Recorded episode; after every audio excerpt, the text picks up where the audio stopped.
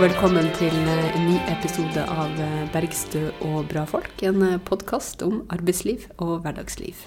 Kirsti Bergstø heter jeg, nestleder i SV, og jeg har som vanlig med meg Ingrid Wergeland, forlagssjef i forlaget Manifest. Og i dag så skal vi snakke om en ganske stor sak. En sak som egentlig eh, hva skal jeg si, krymper seg mer og mer i magen det større og større saken blir.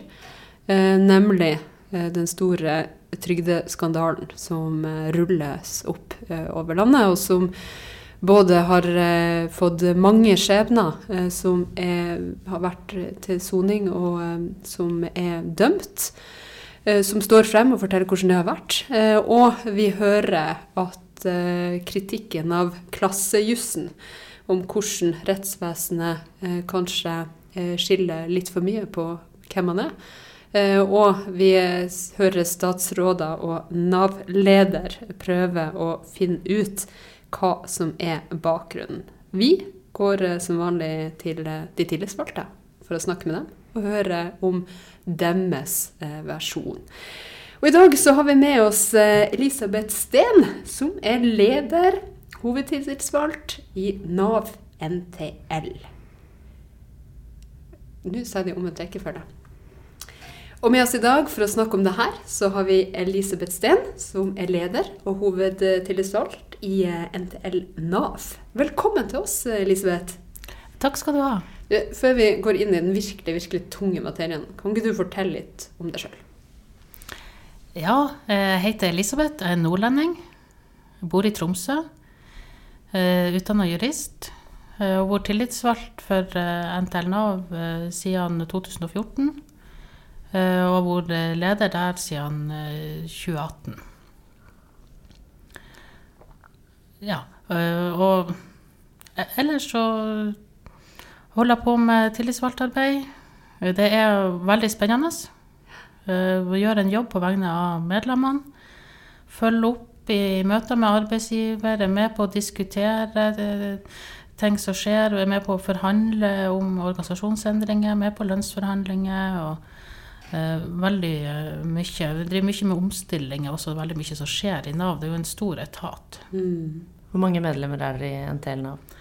Vi har sånn 5600 yrkesaktive medlemmer i NTL Nav, eh, spredd over hele landet. Så vi har jo mye aktivitet også ute i, i, i fylkene og sånt. Og, og, vi er en del ute og holder kurs og forelesninger også. I tillegg til å Eh, til å jobbe opp mot, uh, mot arbeidsgiver. Mm. Du, når du sier at du er nordlending, og så bor du i Tromsø, betyr det at du, at du kaller deg nordlending når du er fra Tromsø, eller betyr det at du har flytta til Tromsø? Ja, eh, jeg er egentlig fra Sortland. Ja, du er du nordlending? Ja, så jeg er nordlending. Ja. Det er jo en tilbakevendende diskusjon. Jeg trenger ikke forholde meg til diskusjonen om man, om man er ekte nordlending når man bor i, bor i Tromsø. Ja, nettopp, nettopp, nettopp, Det er jo ikke bare i Nav det er store endringer, det er det jo også i nord. Men det får være et annet kapittel. Men du har jo jobba i Nav, du Kirsti? Ja, men det var ikke staten. Jeg var kommunalt ansatt. Så da var du med i Fagforbundet, da? Da var jeg, jeg, var med i FO, eh, fordi jeg er jo sosialarbeider. Så da, eh, da var jeg med i FO. Eh, men kunne også vært med i Fagforbundet. Eh, mm. Sammen, men jeg var den ene kommunalt ansatte på Nav. Så jeg var sosialkontoret hjemme i Nesseby. Og det var jo den tida der man liksom var sånne generalister. Hva slags saker er det du har jobbet med før du ble tillitsvalgt? da? Altså, hva slags, hva slags jobb i Nav har du hatt? Ja, jeg har jobba med uføre, jeg har jobba med dagpenger og jeg har jobba med barnebidrag. Eh, så jeg jeg har mitt ansettelsesforhold i det som heter Nav familie- og pensjonsytelser mm. i, i, Tromsø. Så da har du ikke jobba på Nav-kontorene og møtt mennesker som kommer inn skranka? Da har du liksom jobba med sakene deres? Ja, jeg jobba med sakene. I det, begynte i det som var Nav forvaltning. Ja. Eh, så jeg ikke jobba på det lokale Nav-kontoret. Vi er jo en mangfoldig organisasjon. Vi har jo Eh, mange som jobber eh, på Nav-kontor, så har vi noen som jobber på fylkesenheter, noen jobber med kontrollarbeid, og noen jobber med å gjøre vedtak på ytelser, og det er noen som jobber i direktoratet òg. Det er jo et godt eksempel på at man kan desentralisere veldig mange tunge oppgaver hvis man bare vil. Ja, hvis man vil, så kan man det. Altså, ja. Mange av oppgavene kan løses hvor som helst i landet. Nav innkreving f.eks. er en stor arbeidsplass i Sør-Varanger. Ja, Bjørnevatn. Nå er de overført til skatteetaten, da, men det er jo fortsatt et bevis på at det går an å ha en stor arbeidsplass også i distriktet. Statlige arbeidsplasser. Så man kan bygge dem opp fra starten av der. Ja. Hvis man ønsker det. Men nå over, Mm. til, eh, over til denne saken som, vi, som var grunnen til at vi inviterte deg. Altså En annen dag så kunne vi sikkert invitert deg bare sånn uansett, men nå ble dette litt sånn ekstra, ekstra aktuelt. Eh, vil du gi din oppsummering, nå sa jo Kirsti litt i sted, men av, av hva denne saken handler om?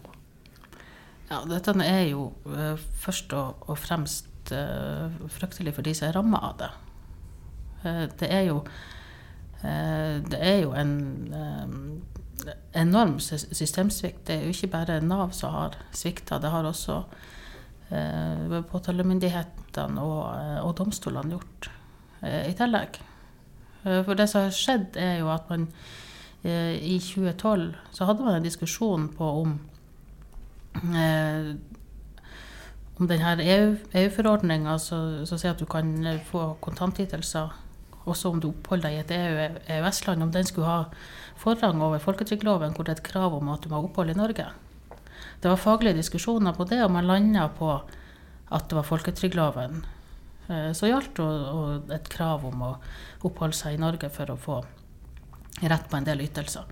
Um, og så har jo den praksisen da blitt uh, bekrefta av Trygderetten eh, og av domstoler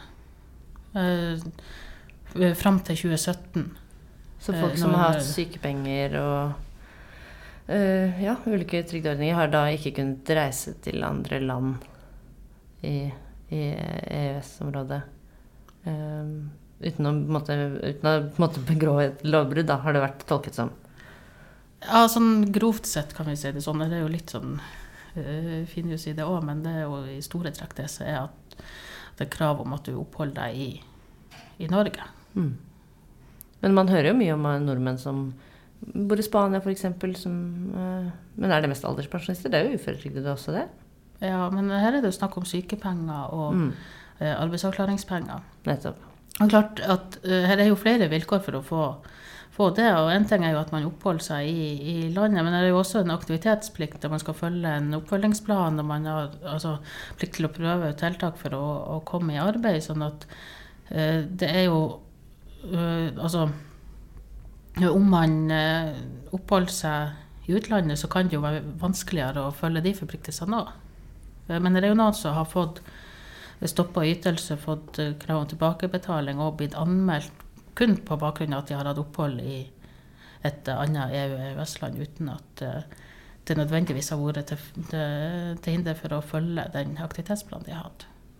Så det, det er starta en gjennomgang nå med er 2400 saker som gjennomgås av innsatsgruppa i Nav.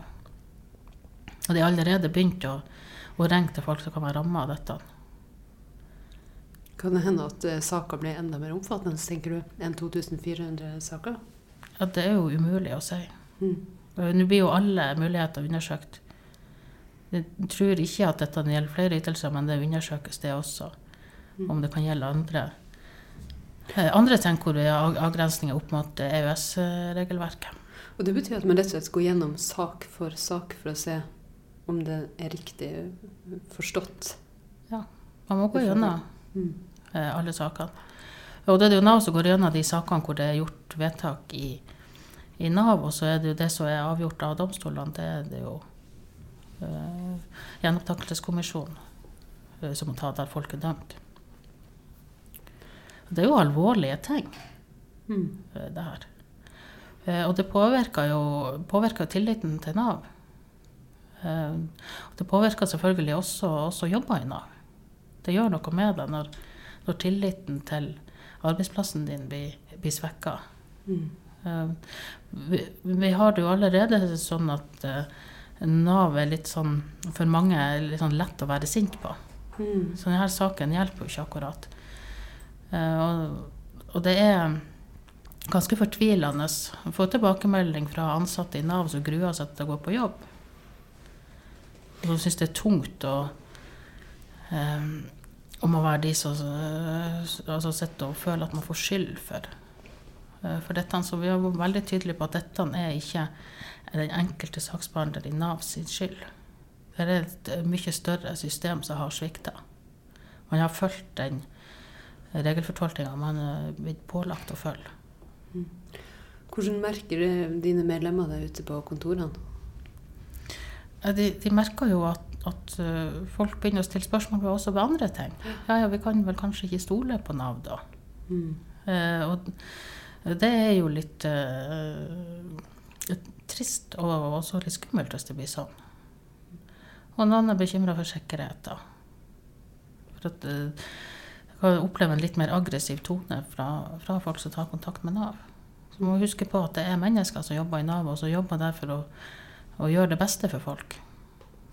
Og vi vet jo at det er en jobb der trusler og, og, og også voldelige hendelser forekommer i en annen grad enn mange andre utsettes for. Eh, så det er jo absolutt en viktig påminner. Men det som jo da har skjedd, eh, er jo at det har vært en eh, fortolkning i, i Nav-systemet på hvordan disse reglene skal forstås. Og så har det blitt lagt til grunn. Og så har det på en måte ligget der som en sånn på en måte referanse da, eh, for senere saker. Og det, det, det har vært oppslag i, i Klassekampen med overskriften 'Helten', som var da denne dommeren som, som gikk dypere ned i, i, i reglene for å se hva, hva, er det som egentlig ligger her? Og, og fant ut at det, den opprinnelige liksom, regelfortolkningen var gal. Da.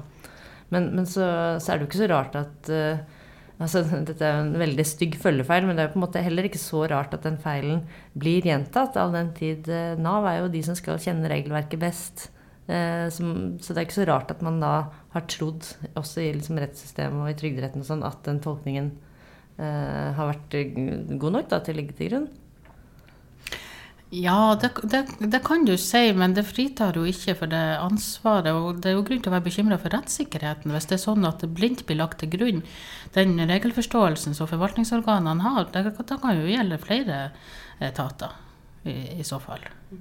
Det, er, det, skal jo være en, eh, en sikkerhet i at, eh, at det, som man gjør i den utøvende myndigheten, kan overprøves av domstolene. De skal være uavhengige, så de skal ikke kun legge til grunn det som eh, regnes som forvaltningspraksis.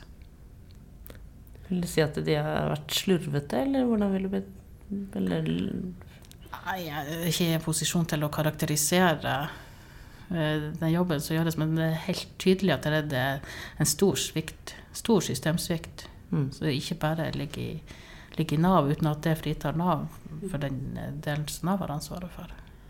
Det er jo flere som har uh, kritisert uh, si klasseskillet i rettsvesenet. Er det sånn at man kan eh, si at eh, hvitsnippforbryterne har såpass gode og godt betalte advokater at de alltid kommer seg unna, mens eh, dem som har fått prøvd sine saker fordi man har trengt hjelp av fellesskapet når det, når, det, gjaldt, har kanskje andre innganger. Muligens fri rettshjelp, muligens eh, ikke de samme eh, midlene til å kjøpe de, de eh, heteste eh, og dyreste advokatene, eller ikke advokater som har tid nok til å jobbe med de sakene. Eh, hvordan ser du på det som jurist og som, som tillitsvalgt? Altså, det er jo helt tydelig et, et skille i Eh, mellom eh, Hvis du ser på noe som en økonomisk overklasse, og det som ikke er det, på hvor, i stor, hvor stor grad man får retten sin, altså får hevda sin rett, har mulighet til å kjøpe seg de beste advokatene, og få også det å, å bli trudd. Eh, I retten viste seg jo at det har en sammenheng med, med sosial status også. For Det er jo interessant at du sier det, for jeg ser jo advokater som forteller at de har løfta opp nettopp spørsmålet med eh, EØS eh, i eh, konkrete saker, og der det likevel ikke har nådd frem. At, at, det liksom kan ha noe med hvem er det budskapet kommer fra. Ja, det vil jo være en ren spekulasjon, men jeg ser ikke bort ifra at du er inne på noe der. Og det er vel kanskje det som gjør så voldsomt inntrykk. fordi her ser man, får man litt en sånn følelse av at det er veldig mye som rakner. Eh, at det er en, en, kollaps i det som skal være stødig fundament i et, i et uh, samfunn. Det som jo eh, har dukket opp mye da disse siste dagene, er jo de helt konkrete eksemplene på folk som har blitt dømt. eh, Og folk som har, blitt, frykt- som har fryktet at de skulle bli dømt, for de har gått og ventet på, på rettssaker osv. Men så har det jo også dukket opp historier om folk som jo da ikke har blitt dømt, men som har fått beskjeden om hvordan regelverket har vært, som jo da har vært feil. Jeg leste om en kvinne som hadde en eh, som var sykemeldt, og hadde en, eh, en søster som var døende i Tyskland. Eh, fikk beskjed av Nav at nei, hun kunne ikke dra til Tyskland og besøke søsteren sin. Så hun gjorde ikke det, da. Så hun si, brøt da ikke i den loven som ja, ikke egentlig var et brudd, da. Uh, men eh, Så hun har jo ikke blitt dømt for noe, men hun fikk jo da ikke besøkt søsteren sin. Fikk hun ikke tatt farvel med sin Nei. søster? Som nå er søsteren død. Altså, det, det, er, det er så brutalt. Ja. Og, og, det, og hun er jo ikke et på en måte, tall i den statistikken, ikke sant? men det er jo absolutt, eh, det er absolutt et sår i hennes eh, liv. Da. Ja, helt klart det er mange triste Mm. eh, skjebner vi får høre om. Eh, og, det, og det går jo veldig inn på en. Mm. Og kanskje spesielt på, på ansatte i Nav. Så jeg håp- jeg håper virkelig at ikke ansatte i Nav føler personlig skyld for det her. Mm. Men eh, det kan jo eh, være fort gjort å gjøre det. Mm. For man har jo empati og skjønner jo at dette er forferdelig for folk. Mm. Hva tenker du at det må skje på toppen? Det er jo åpenbart ikke dem som jobber med å behandle sak eh, for sak, som kan bære ansvaret for det her. Fordi man, Det er jo forskjell på det å gjøre en jobb ut fra en forståelse man blir eh, fortalt, eh, og det å, å, å styre noe i det som viser seg å være helt fullstendig feil retning i ettertid. Ja, Det skal jo gjøres en fullstendig gjennomgang, sånn at vi får alle kortene på bordet. Jeg tenker at Det viktigste nå er at det blir rydda opp. Og, eh, og så må det jo en uh, gjennomgang til for å se hva er det som har skjedd, og hvordan kunne, kunne dette skje og, og pågå over så lang tid. Mm. Eh, Så jeg regner med at alle kortene uh, kommer på bordet etter hvert. Så fordele ansvar det får vi nå gjøre på et senere tidspunkt. Mm. Først redde, og så fordele ansvar. Men det er jo noen som mener at det her kan kanskje være noe som har ligget tilbake helt siden inngåelsen av EØS-avtalen. Så spørsmålet er jo hvor langt tilbake i tid er det vi, vi snakker egentlig? Ja, og det er jo helt umulig å svare på i dag, men Ja. eh, det blir jo interessant å se etter hvert om For da vil det jo virkelig bli et, eh, et stort omfang på dette. Hvis vi må helt tilbake til 94. Men det som er litt rart, er jo at selv om alarmklokkene har gått, så er det jo åpenbart en nødbrems det ikke har blitt trukket ordentlig i. Eh, fordi vi vet jo at eh, statsråden, arbeidsminister eh, Hauglie, ble jo gjort kjent med denne saka på et tidspunkt. Og så har det blitt sendt ut noen varsler, men folk er likevel liksom dømt i etterkant av det. Så det er jo det er jo noen, noen beskjeder som enten ikke har nådd frem i tide, eller eh, blir tatt på stort nok alvor fra, fra avsenderen. Hva, hva tenker du er mulig å, å si, si om det her vi, her vi står nå? Vi kan ikke se på den store opprullinga og resultatet av det, men hva tenker du at det er mulig å si om det? Jeg tror det er vanskelig å spekulere i den tidslinja og hva som skulle vært gjort hva tid. Det, det må jo nesten granskinga i etter, etterkant eh, vise når altså skulle ha vært trekt, trekt i nødbremsa. Det ble gjort det i, i september. Det ble det gitt beskjed om at jeg måtte stoppe eh, stille i bero de sakene, så gjaldt eh, en del ytelser. Så det ble stoppa en del saker da. Men om man burde ha gjort det tidligere, det kan ikke jeg svare på. Jeg ser jo at eh, du har vært ute med kritikk om når dere fikk informasjon som tillitsvalgte i Nav. Ja, vi f- fikk jo informasjon etter at, eh, at dette kom ut i media. Så vi visste ingenting eh, når eh, Nav-direktøren hadde pressekonferanse sammen med statsråden. Du må lese avisa for å vise, vite om hva som skjer på jobben din. Ja, I disse internettider så blir vi jo informert ja, ganske fort sånn, da, men vi fikk ikke noe informasjon før vi hadde møte med ledelsen dagen etterpå. og Det har de jo beklaga at det ikke er sånn det, eh, det skal være. At det, det skal ikke gjenta seg. Da blir det litt vanskelig å ivareta medlemmene som sendes rett ut inn i, inn i det presset vi vet at kommer på enkeltpersoner. Ja. Eh, Vi vet at eh, ansatte på kontaktsenter ble varsla litt før og ble forberedt på hva de skulle si. Eh, Altså de folk eh, treffer når de ringer inn Ja. til, til Nav-numrene. Ja. De starttelefoner du ringte Nav, ble, ble, eh, fikk en brifing på hva de skulle si. Mm. Vi som tillitsvalgte fikk jo ikke det. Hva tenker du om det, da? Nei, det er jo ikke sånn det skal være. Altså, det hovedavtalen så skal vi jo få informasjon så tidlig som mulig. Men det, det har ledelsen beklaga veldig sterkt, og det, det tar vi til etterretning, så, og så går vi videre. Mm. Konstruktiv som dere er. Ja da. Mm. Ja. Hvordan har det vært for de som sitter på ringesentralene de siste dagene? Vet du det? Det har vært en del henvendelser, men um, Det er jo også sånn at en del tror at de kan være ramma uten at de er det. Mm. Eh, og så er det Jeg kan ikke si det er veldig klart, men det er litt tendenser til litt mer aggressiv tone. sånn at det skal vi jo være oppmerksom på. Mm. Vi er jo, eh, vi er jo utsatt for det med vold og trusler. Vi hadde jo en økning av det i fjor, sånn at du må følge litt med på det. Og passe på arbeidsmiljøet for de ansatte. Var det noe spesielt som skjedde i fjor? Nei, det var ikke det. Eh, vi, vi begynner jo å merke at vi har fått mindre ressurser. Mm. Vi blir kutta år for år. Vi blir jo færre folk som skal eh, gjøre mer. Eh, Så det er jo klart at det- merkes. Og og også de her innstrammingene som politikerne har gjort på arbeidsavklaringspenger, det er det jo også Nav-ansatte som får skylda for. Så det er litt sånn Det her kommer jo på toppen av det. Mm.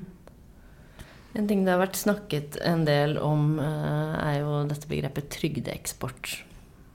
Eh, altså eh, frykten som har vært for at eh, eh, østeuropeere kommer til Norge, jobber, og så reiser de og tar med seg både barnetrygd og what nots av trygde, trygdeordninger ned til hjemlandet sitt etterpå. Eh, hjertelig velkommen for å jobbe og bidra, men eh, ikke så velkommen til å nyte godt av det de opparbeider seg av rettigheter. Eh, tror du man kan se denne, denne regelfortolkningen inn i en sånn frykt for trygdeeksport? Jeg har ikke noe grunnlag for å si det. Man kan jo fort mistenke at det er sånn, men eh, det er ikke noe grunnlag for å tro at det var inne i, i vurderingene. Det var en rent, rent faglig vurdering og diskusjon om hva som skulle ha forrang, og hvordan man skulle forstå folketrygdloven opp mot den EØS-forordninga. Mm. Så politiske styringen det er jo først og fremst gjennom tildelingsbrevene. Hva mener du med det? Eh, Altså den politiske styringa av etaten er jo gjennom tildelingsbrevene og gjennom statsbudsjettet. Det er kanskje et eh, begrep som ikke så mange har et forhold til. Kan ikke du forklare det, Elisabeth? Hva er et tildelingsbrev? Ja, et tildelingsbrev det er et brev fra departementet til Nav om eh, hva Nav skal gjøre det neste året. Ja, og der står liksom hovedretninga, og hva Ja. som er viktig. og Ja, der, og der har, eh, har det jo bl.a. vært sånn at vi har blitt, fått beskjed om at så uh, saksbehandlingstida på en del ytelser skal være så og så lang, og at man skal eh, behandle viss andel av sakene innenfor det som de kaller for normertid, f.eks. Det, det er sånn som står i, i Mm. tildelingsbrevet. Mm. Så det er jo sånn som også gir et litt sånn press på, eh, på Nav om at man skal levere, man skal bli mer effektiv, og man skal bruke kortere tid på sakene. Og det er jo klart at det kan gå utover kvaliteten. Mm. Fordi dere er jo utsatt for det som eh, kalles for, eh, for ostehøvelkutt.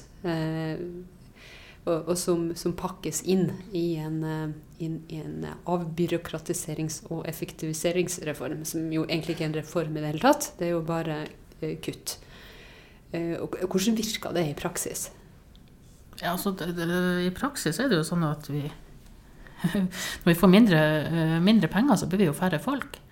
Eh, og, og, kalle, å kalle det for en avbyråkratiseringsreform når du får færre ansatte i Nav som skal hjelpe folk eh, ut i arbeid eller skal gjøre eh, vedtak på ytelser, altså, eller, sånt, det er jo relativt meningsløst, spør du meg. Det blir jo en lek med ord. Ja, altså det hadde vært mer ærlig å si at vi må finne penger en plass, og vi kutter i, eh, vi kutter i staten. Mm. Det er jo det, er jo det de har gjort. Ja, det er det de har gjort. Og det merker jo folk der ute som prøver å Ja. komme i kontakt. Jeg har også sett en del eh, folk si og snakke om dette med at, eh, at man Mens man tidligere snakket om eh, eh, velferdsordningene våre, trygdeytelser, eh, sykepenger eh, som en, noe fagbevegelsen og venstresiden har kjempet fram opp igjennom, og som er eh, rettigheter vi skal være stolte av at vi har, som kan være sikkerhetsnettet vårt når vi trenger det eh, en gang i livet, eh, så, så er det knyttet mer og mer måte, ja, Jeg skal kanskje ikke si skam, men det er jo mye sant, Det snakkes om eh, En ting er liksom trygdebeistet på trygdekontoret til eh, NRK, eller man snakker om å nave. Det er en rekke sånn negative konnotasjoner til, eh, til til ordninger som tidligere har vært liksom, stolte, stolte ordninger som, som skal sikre oss å ikke måtte leve av våre nærmeste eller av tigging hvis vi faller ut av eh, arbeidsmarkedet. Da.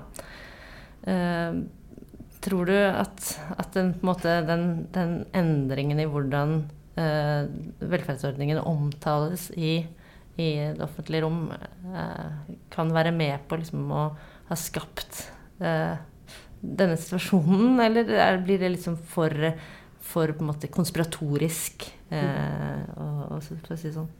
Ja, det var bitte litt eh, konspiratorisk, det der. Det var det nok. Men det er jo ei, eh, ei trist utvikling at, at man snakker sånn om det. For det, er jo, det er jo sånn at det å bli sjuk, det kan skje alle.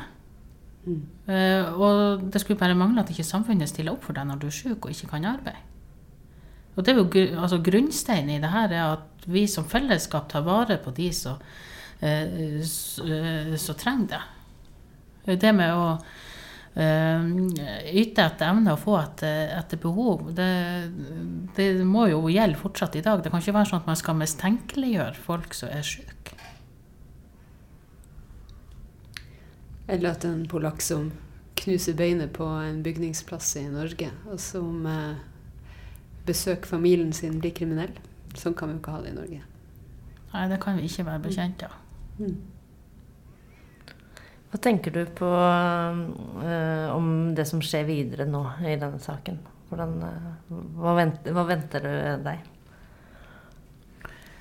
Nei, nå er det jo først og fremst rydde opp, få alle kortene på bordet, finne ut av, av eh, hva som har skjedd.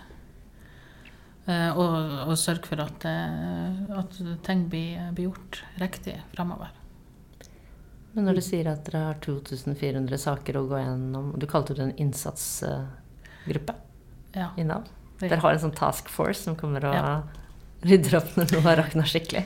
Svartbeltegjengen. Nei da, det er ikke sånn at jeg har en permanent task, task force, men det er jo en, et innsatsteam som er direkte på å gå gjennom disse sakene. Så da er det er de som identifiserer saker og ringer til folk, og så er det egne eh, saksbehandlere som er satt av til å, å jobbe med dette. Eh, og det er klart, Vi har jo ikke fått noen ekstra ressurser til å gjøre det, sånn at det går jo utover de andre tingene vi, vi holder på med. Men det må jo komme ekstra midler når det kommer en så helt spesielt og ekstremt krevende oppgave på bordet. Ja, det får jeg da virkelig håpe. Foreløpig har vi jo ikke fått det, men vi må jo håpe at, eh, at vi får det. For Ellers så vil det gå utover andre ting.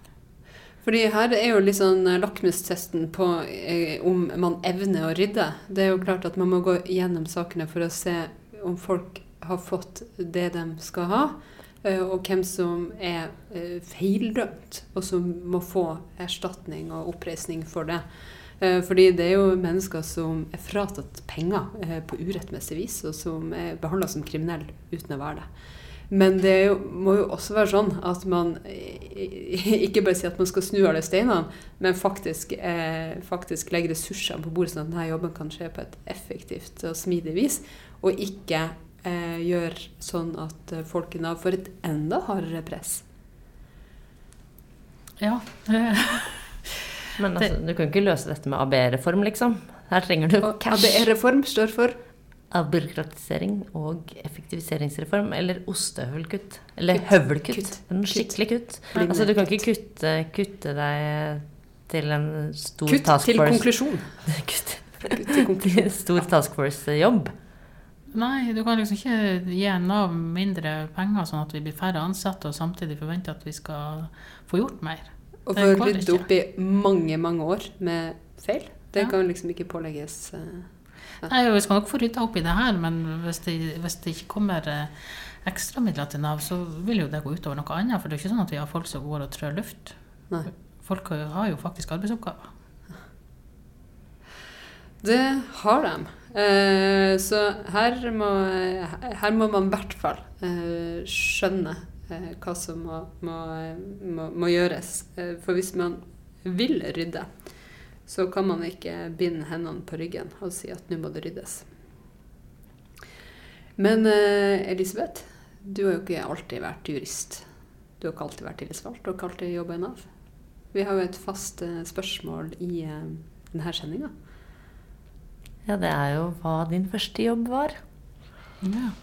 Min første jobb, da hadde jeg sommerjobb. Eh, Og da var jeg jeg hadde ansvar for å samle inn eh, informasjon til gårds- og slektshistorie for Sortland. Så jeg for rundt på landet og in- intervjua eldre mennesker. Det var veldig spennende. Oi, det høres kjempefint ut. Ja, det var fantastisk. Men hvor gammel var du? Ja, vel 16-17, ja. Altså rett og slett å få fødselsdatoer og navn og sånne ting. da. Informasjon om hvordan det var i, i gamle dager. Og ja, det var utfyllende også, Ja, liksom. ja. Det var ikke bare liksom Ja, kirkebok-statistikk, liksom. Det var ja. så det var veldig interessant. Hva fant du ut, da? Husker du at du fikk en sånn aha-opplevelse? Nei, jeg husker det, det var litt fascinerende å komme på besøk til folk klokka ni om morgenen, og så sto de og laga middag. Gjorde det? Hvor gamle var de? Nei, De var ganske gamle da, men de unnskyldte seg med at de brukte ikke å ha middag så tidlig, men de skulle, skulle på ferie, så de måtte lage middag så tidlig. Da hadde man liksom gjort det. Ja, Ja, godt med alt som er gjort. ja. Wow. Ble det mye kaffedrops? ja det ble litt kaffedrops. Gjorde. Kaffe. Ja, og det er hyggelig. Hva fortalte de da om eh, livet sitt? Nei, det, det var jo en annen tid, og hvordan de hadde det. Det var jo ikke eh, Det var jo, drev jo med litt sjølberging og, og litt sånt. Det var jo uh, før det kom my, mye penger i omløp og, og sånt, så det var jo et litt enklere liv. Mm. Men det var vel ikke de store gårdsbrukene? Nei. Men det har du ikke i Nord-Norge i det hele tatt, egentlig.